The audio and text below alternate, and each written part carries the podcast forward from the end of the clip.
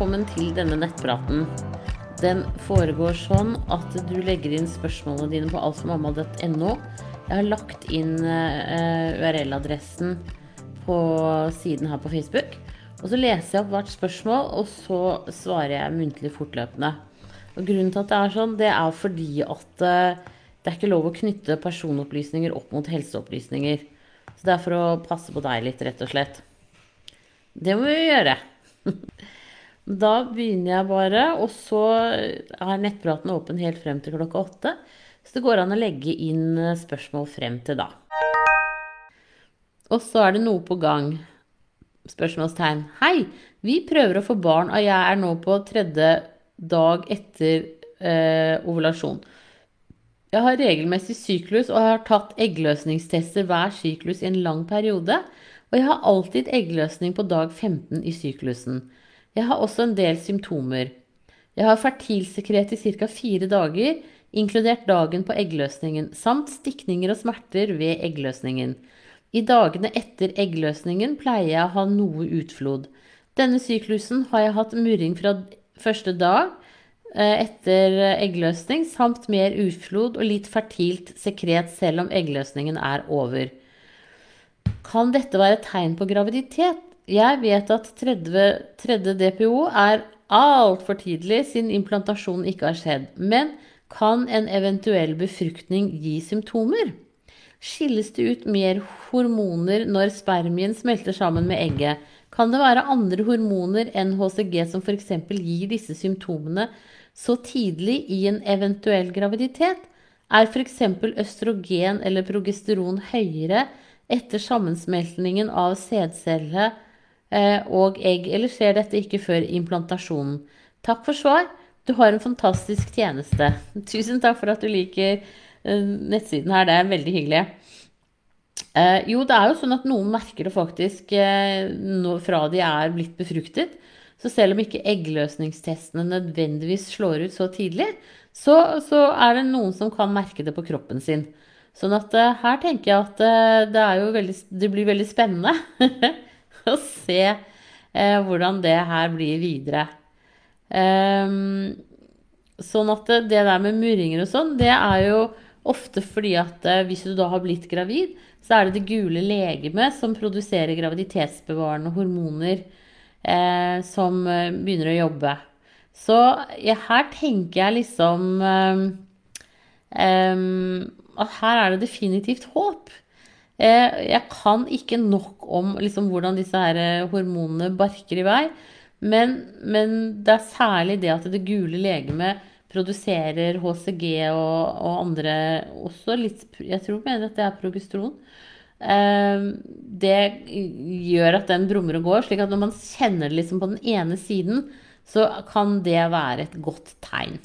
Men her er det bare å vente og krysse fingrene og håpe at det klaffer denne gangen. Da ønsker jeg deg riktig lykke til videre, og tusen takk for at du følger meg her. Ha det bra! Og så er det gravid etter SA som sier Kjære Siri, jeg hadde en SA i slutten av august. Da blødde jeg i ti dager. Deretter har jeg blødd ca. annenhver dag i 20 dager. Blødningene stoppet opp i ca. tre dager, og da fikk jeg positiv eggløsningstest og har ikke blødd siden. HCG gikk fort ned og ble borte, og jeg startet å ta eggløsningstester. Så jeg vet at det ikke er HCG som gir utslag på eggløsningstestene. Mitt spørsmål er, siden jeg har blødd i 10 dager og av og på i 20 dager, for så å få eggløsning 3-4 dager etter siste blødning, vil slimhinnen min ha rukket å bygge seg opp til å kunne bli gravid da? Ja, det er veldig vanskelig å si. Når det gjelder graviditet, så er jo faktisk det meste mulig. Det er jo en av faktorene Eh, så jeg tenker at det, her er det ikke så veldig lett å si. Men jeg tenker hvis ikke du nå slutter å blø, så syns jeg at du skal eh, gå til fastlegen din og eventuelt bli henvist til en gynekolog. Hvis du slutter å blø nå, så tenker jeg da må du bare vente litt og se om du får en ordentlig mens. Uh, rett og slett. Um, Slimhinnen skal jo bygge seg opp, men hvor mye som trengs, det er jeg jaggu ikke sikker på. Det tror jeg er veldig individuelt også. Sånn at jeg tenker at eh, hvis du fortsetter å blø, så tar du kontakt med lege. Og, men hvis det roer seg nå, så venter du og ser om du får mensen eller ikke. For her er det jo vanskelig Det er jo, selv om du sier at det, du har jo da hatt en eggløsning, eh, så Ja, så kan du jo rent teknisk bli gravid, da. Så jeg krysser fingrene for deg, og så må du ha litt eh, ro i magen. Og, så håper vi at det klaffer denne gangen. Da ønsker jeg deg lykke til. Ha det bra, og tusen takk for at du følger meg her. Ha det. Og så er det gravid i uke 19. Hei, jeg er gravid i uke 19 pluss 5. Har brukt en dyprensende maske fra Sunnkost. Etterpå så jeg at masken inneholder salicylsyre. Kan det ha skadet babyen i magen? Brukte den bare én gang i ti minutter. Nei, den har helt sikkert ikke skadet babyen i maven. Det kan jeg garantere deg. Og du kan helt sikkert også bruke den igjen, for det er så lokalt at det har ingenting å si Eh, for en baby i maven. Den ligger trygt og godt. Så det, jeg tenker at det er viktig det der med liksom at man skal føle seg litt vel og, og, sånne ting som det. Så det, bare fortsett med det. Da ønsker jeg deg riktig lykke til videre, og tusen takk for at du følger meg her. Ha det bra. Og så er det eggløsningsslim. Hei! Jeg lurer på dette med eggløsningsslim. Jeg har ikke hatt noe spesiell våt utflod før det i går. Plutselig kom vi ut en diger klump som kunne strekkes til i hvert fall 30 cm. Nå er det helt tørt igjen. Jeg håper ikke det var 30, det må være 3. Nå vel. Er jeg fortsatt fruktbar i dag da, eller var i går mitt vindu til å bli gravid? Nei, det er vanskelig å si, men jeg tenker at det, det er i hvert fall forsøk verdt å prøve. Man kan jo ikke bare gi seg, og det er jo også sånn at hyppig sex kan føre til eggløsning utenfor det vanlige. Så her er det bare å, å fortsette. Da ønsker jeg deg riktig lykke til videre, og tusen takk for at du følger meg her. Ha det bra! Og så er det hei. I uke 19 pluss 2 spiste jeg grillet kyllinglår som har vært fryst, og den var litt rosa inni. Den ble grillet på lav varme i ca. 45 minutter. Jeg tok fire-fem biter før jeg så at kjøttet var litt rødt. Fire dager senere hadde jeg maveknip og løs avføring. Én til to ganger om dagen. Kan jeg ha pådratt meg listeria eller salmonellabakterie, er det grunn til bekymring. Kan babyen i magen ta skade av det? Ja, altså lav varme hvis det var over 70 grader, og det er det jo som oftest, så eh, skal det, det ha tatt eh, knekken på både salmonella og listeria. Hvis det har vært under 70 grader, så tenker jeg at da eh, kan det være bakterier. Men, men uh, som regel så har man jo ovnen på sånn 150-200 grader når man griller kylling. Eh, og da, da, skal det være varmt nok, det, altså selv om det er litt rødt inni. Noen ganger så kan det være farget av litt blod, men som ikke behøver å bety at det faktisk er rått. Så se det an litt. Hvis du liksom fortsetter å, å ha maveknip og være løs i maven, så kan du jo ta en tur til fastlegen og få testet deg. Men jeg tror ikke det, altså. Jeg tror ikke du har blitt smittet av noen sånne bakterier i forhold til dette. Så jeg tenker at du kan ta øh, Behøver ikke å bekymre deg. Men som sagt, fortsetter det, så tar du en tur til legen, og så snakker du med legen. Da ønsker jeg deg riktig lykke til videre, og tusen takk for at du følger meg her. Ha det bra! Og så er det gravid som sier Hei, jeg har kjent liv i magen i hver dag i snart en uke. Men de siste to dagene har jeg ikke kjent noe. Er det grunn til bekymring? Jeg er i uke 19 pluss 6 i dag, og dette er mitt tredje svangerskap. Jeg har morkake foran. Nei, det er ingen grunn til bekymring. Eh, du er kjempeheldig som har eh, kjent liv såpass tidlig. Og det er helt normalt at det kan gå dager imellom, og kanskje opptil en uke, uten at du kjenner noe helt frem til uke 28. Så, og det at morkaka ligger foran, er også sånn litt sånn eh, forstyrrende, kan vi vel si. Så dette tenker jeg er helt normalt. Jeg ønsker deg riktig lykke til videre, og tusen takk for at du følger meg her. Ha det bra!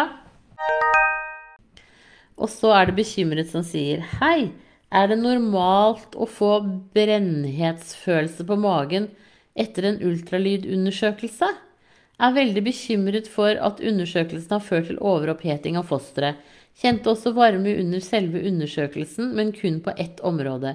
Tenkte ikke så mye på det da.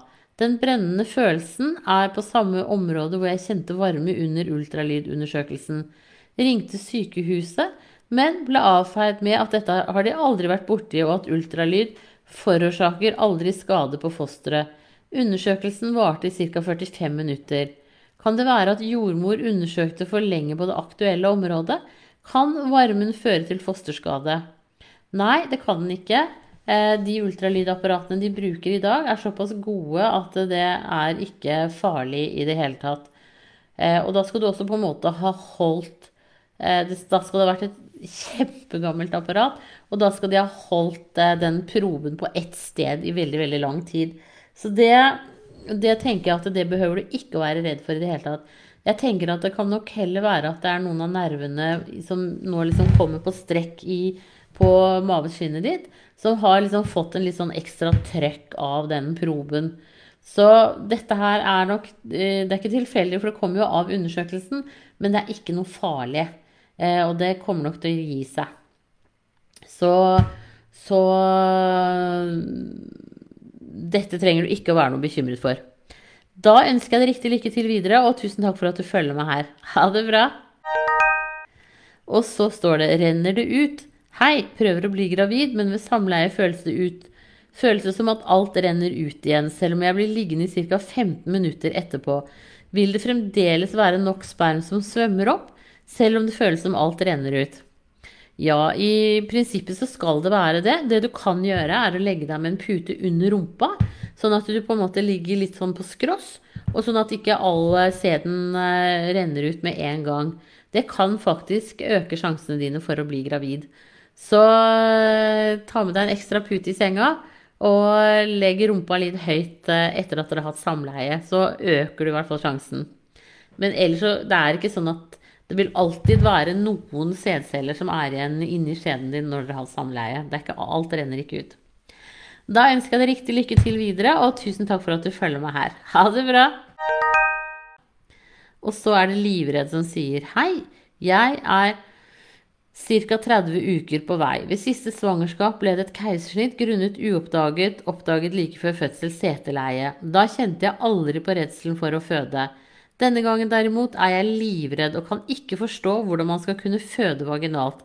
Har i ungdomsårene hatt utfordringer med rifter etter sex, gynekologisk undersøkelse etc. og har generell oppfatt, generelt oppfattelsen av at jeg er liten nedentil. Føler også etter å ha sett mange bilder av fødsler at dette ikke skal kunne være mulig for meg å gjennomføre uten å få store rifter som kan skape mye trøbbel i ettertid. Føler også at bekkenbenet er så langt nede mot skjedeåpningen. Hva skjer med urinrøret under fødsel? Hvordan kan man for sikkert vite at man faktisk er i stand til å gjennomføre en fødsel? Og hva kan jeg gjøre for å forberede meg mest mulig? Jo, jeg syns du skal snakke med jordmora di.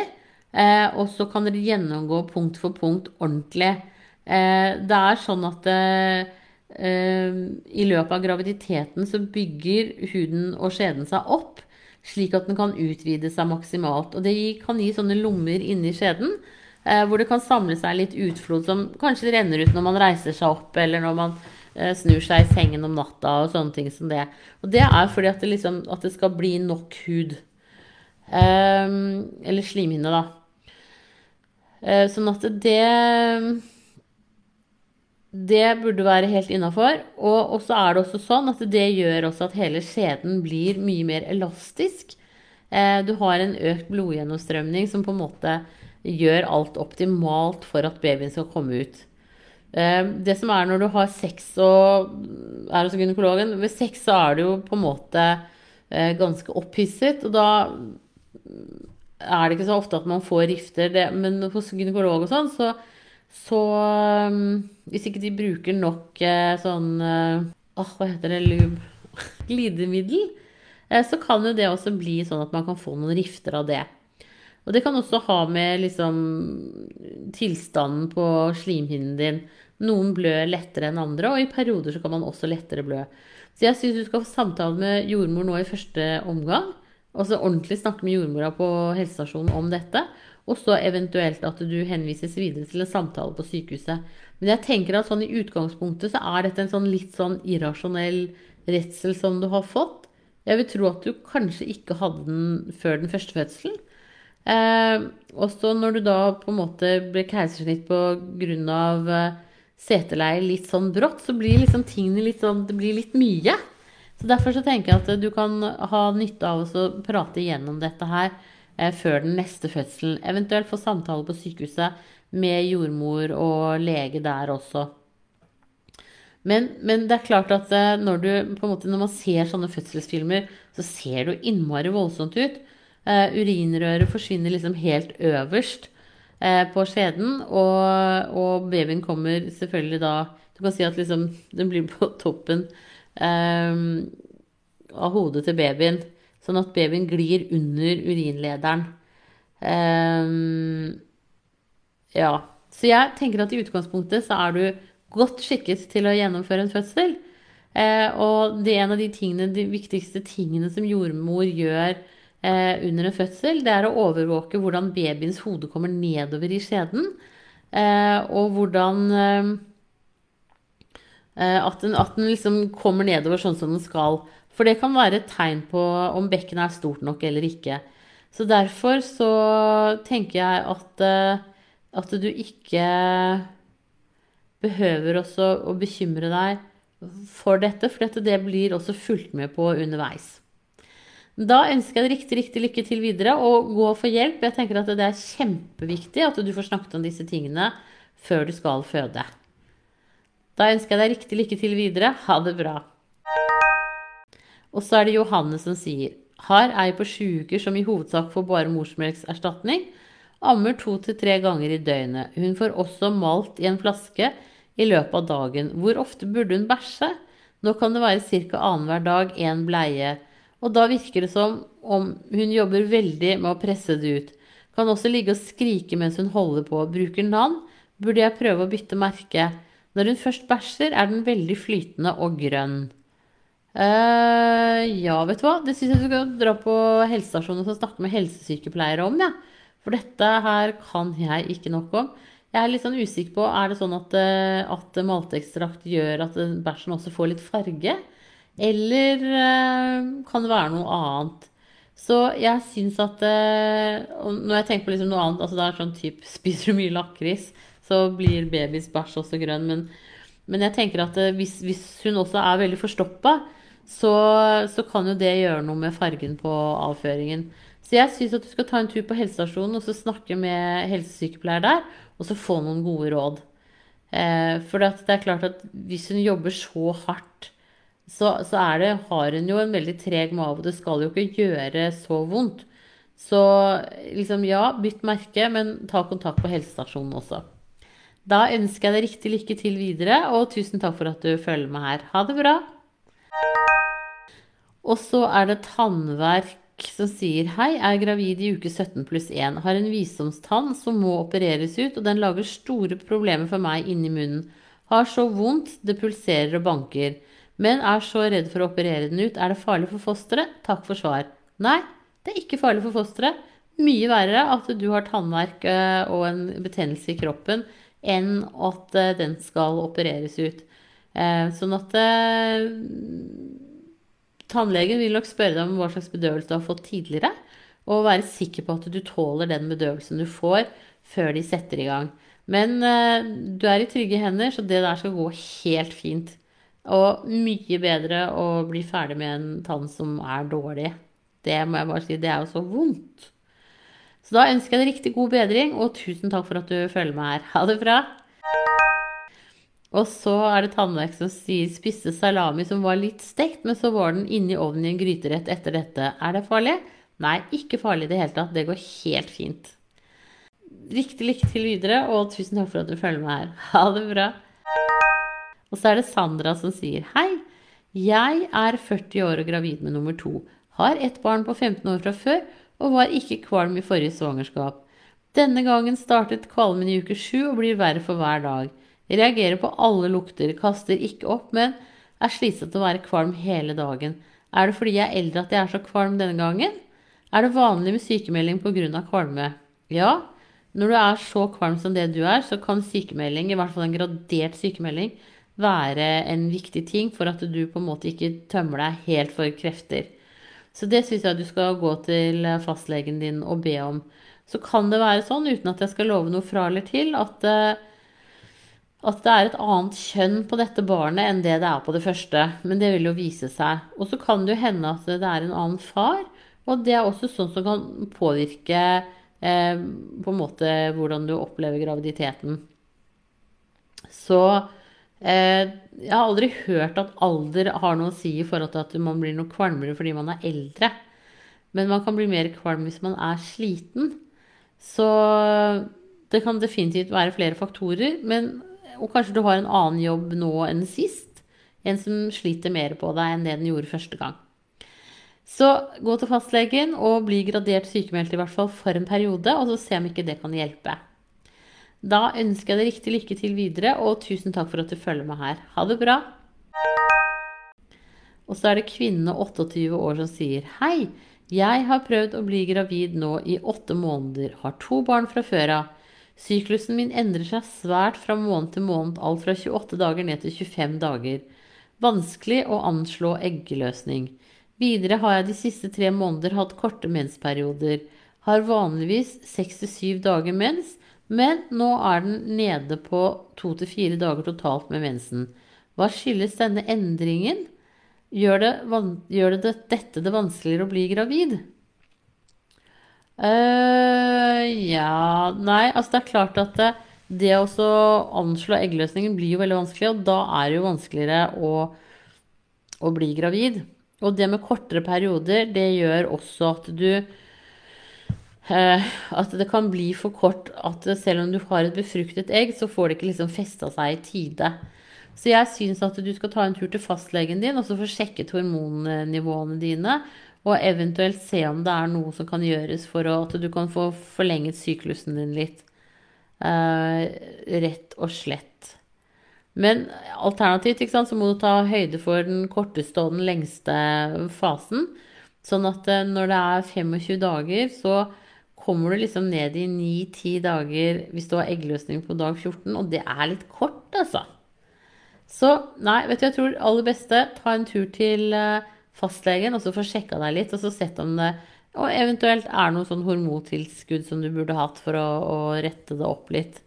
Eller så kan du også sjekke med med Frøya-klinikken, og så se hva de skriver om dette. For Anette Heggemsnes som driver den, har veldig god greie på disse tingene her også, hvis du ikke ønsker å bruke eh, vanlige, tradisjonelle medisiner. Det er liksom ting man kan prøve først, og så se. Eh, men da ønsker jeg deg riktig lykke til videre, og tusen takk for at du følger med her. Ha det bra. Og så er det Mathilde som sier hei. Hvor vanlig er det egentlig at jordmødre anbefaler sexpause i svangerskapet? Var hos jordmor i uke 31, er 32 pluss 4 nå, hvor hun anbefalte at jeg og samboeren min ikke burde ha sex hvor han kommer inni meg. Sliter med mye kynnere, men har lang og fin livmorhals, så kynnerne har ikke påvirket denne noen ting. Nei, det kan du si. Det er vel litt sånn opp til dere. Eh, i forhold til hvis det er sånn at du Hvis du ikke får mange flere kynnere av å ha sex, så gjør det jo ingenting. Men hvis sex gir deg mange kynnere, så kan det på en måte sette deg eh, i en posisjon hvor, hvor, eh, hvor, du kan bikke over i fødsel, for så vidt. så sånn sett liksom å vente to uker til, kanskje. men hvis du ikke får mye kynnere, så er det jo helt greit. Eh, da er det ikke noe problem. Så, men får du mye kynnere, da venter du to-tre uker til før dere har sex igjen. Eller i hvert fall samleie hvor han kommer inn i deg og du har orgasme. Eh, litt kjedelig, men sånn det må til noen ganger. da ønsker jeg deg riktig lykke til videre, og tusen takk for at du følger med her. Ha det bra. Og så seks uker. Jeg, hei, har en baby på seks uker. Hun takler ikke å bli lagt ned alene. Hun har ikke vondt og slutter å gråte idet jeg tar henne løfter henne opp. Dette er vanskelig til enkelte tider, da hun har søsken. Sol både trenger hjelp til påkledning og et annet bleiebarn. Med tre barn er jeg nødt til å la henne ligge de minuttene hvor jeg hjelper med påkledningen, får de andre ut i bilen osv. Hun er også den siste jeg kan ta ut av bilen, da nummer to plutselig kan finne på å slå henne. Ikke lett med matvarer og to andre barn i tillegg til hun her på seks uker. Føler jeg ikke strekker til og er redd hun tar skade av gråtingen. Hun får masse oppmerksomhet, men må gi til, litt til de andre barna også. Hun nekter pappaen og hyl og gråter i ett om andre enn jeg holder henne. Jeg lever, leverer de to eldste i barnehagen og er svett og føles som et maraton for å få alle ut i bilen. Nå blir frokost og barnehagemat laget kvelden før, så prøver på det jeg kan gjøre det lettest mulig for meg. Men er redd jeg ikke strekker til for alle, og at minstemor tar skade av gråtingen. Hvor jeg ikke kan gi 100% men sitter og snakker med henne, holder på henne, tar henne opp også, men da blir det verre, bare verre når jeg må legge henne ned igjen. Eldste pleier også å ligge på siden av minste og snakke, som 'mamma kommer snart, hun må bare hjelpe storesøster først', osv. Føler jeg går rundt meg selv og ikke strekker til for noen. Vet ikke helt hvor jeg ville, men måtte bare få det ut. Det er klart at her var det mye på en gang. Eh, jeg tenker at det der hvor du kan delegere på en måte eh, til pappaen, at kanskje han kan gjøre innkjøp, sånne ting som det, så, eh, så vil jo det på en måte deg, kjøpe deg litt mer tid med hund på seks uker.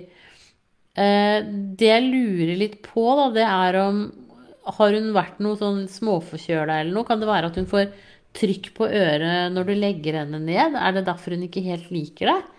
Eh, hvis du har en sånn vippestol, eller du kan bygge henne opp med noe sånn pute i vogna, et eller annet sånn der, sånn at hun ikke ligger helt flatt når du legger henne ned. Du kan se om, om det kanskje kan hjelpe. For, for, noen ganger hvis de er litt sånn småforkjøla, så, så, får de veldig sånn trykk på øret når de legger seg ned. Men da vil det også for så vidt eh, gjelde om natten, da. Um, så eh, det, det, ser jo virkelig ut som du på en måte Du gjør jo alt du kan for å, å få dette her til. Nå er det også sånn at amerikanerne snakker om noe som de kaller det fjerde trimesteret. Og det handler om at babyene gjerne vil være liksom hos og på kroppen din eller andre frem til de er sånn rundt tolv uker gamle. Eh, og nå tenker du liksom seks uker til, det går ikke. Men, men, jeg tenker litt på, hadde det gått an å hatt henne på en sånn bæresele på maven eller på ryggen? Eh, sånn at hun på en måte er på kroppen din, men hvor du har frie armer og sånn. Eh, så kanskje det kunne vært en løsning for en kortere periode. Eller så er det jo rett og slett sånn at eh, som nummer tre så må hun bare lære seg at eh, det er flere i familien, og det er ikke henne som på en måte er eh, Eh, kan være sentrum alltid. Da. Akkurat som de to eldre må lære seg at da er det en til som har kommet, som også tar litt plass. Eh, men eh, ja, tenke litt sånn derre Se om, om, det er det at hun ikke tåler å ligge flatt. At det kan være noe av problematikken her. Mm. Men jeg ser at den der ikke er enkel, altså. jeg håper det ordner seg snart, at hun snart blir litt mer selvstendig, kan vi vel si. At hun ikke må være på deg hele tiden. Da ønsker jeg deg riktig lykke til videre med den flotte barneflokken din. Og så tusen takk for at du følger meg her. Ha det bra. Og så er det stresset kvinne som sier Hei, jeg har prøvd eggløsningstester for første gang. I dag skulle jeg hatt eggløsning, men den viser kun en veldig svak strek. Denne svake streken har vært i flere dager. Er det mulig at jeg ikke har eggløsning? Bør dette utredes asap? Dette begynner å bli veldig trist og stresset over at kroppen ikke får eggløsning. Ja eh, Det kommer jo litt an på hvor lenge du har prøvd og sånn, da. Eh, og så tenker jeg at eh, ta også test det som, det som, ofte er liksom greia når man prøver å bli gravid, det er jo at man faktisk har eggløsning på et litt annet tidspunkt enn det man trodde. Sånn at jeg tenker at du bør kanskje prøve på, i neste syklus da, at du begynner på dag ni. Eh, for å se om, om, du kan ha eggløsning tidligere. Eh, og så holde på i godt over en uke, sånn at du også dekker det om du har en sen eggløsning. Eh, ellers så er det jo vanlig at det tar i hvert fall seks måneder fra man begynner å prøve til det klaffer.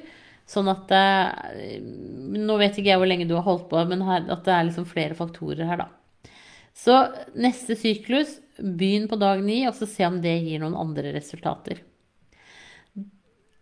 Og fortsett litt til, for kanskje du er i ferd med å få eggløsning, men ikke helt har fått det ennå.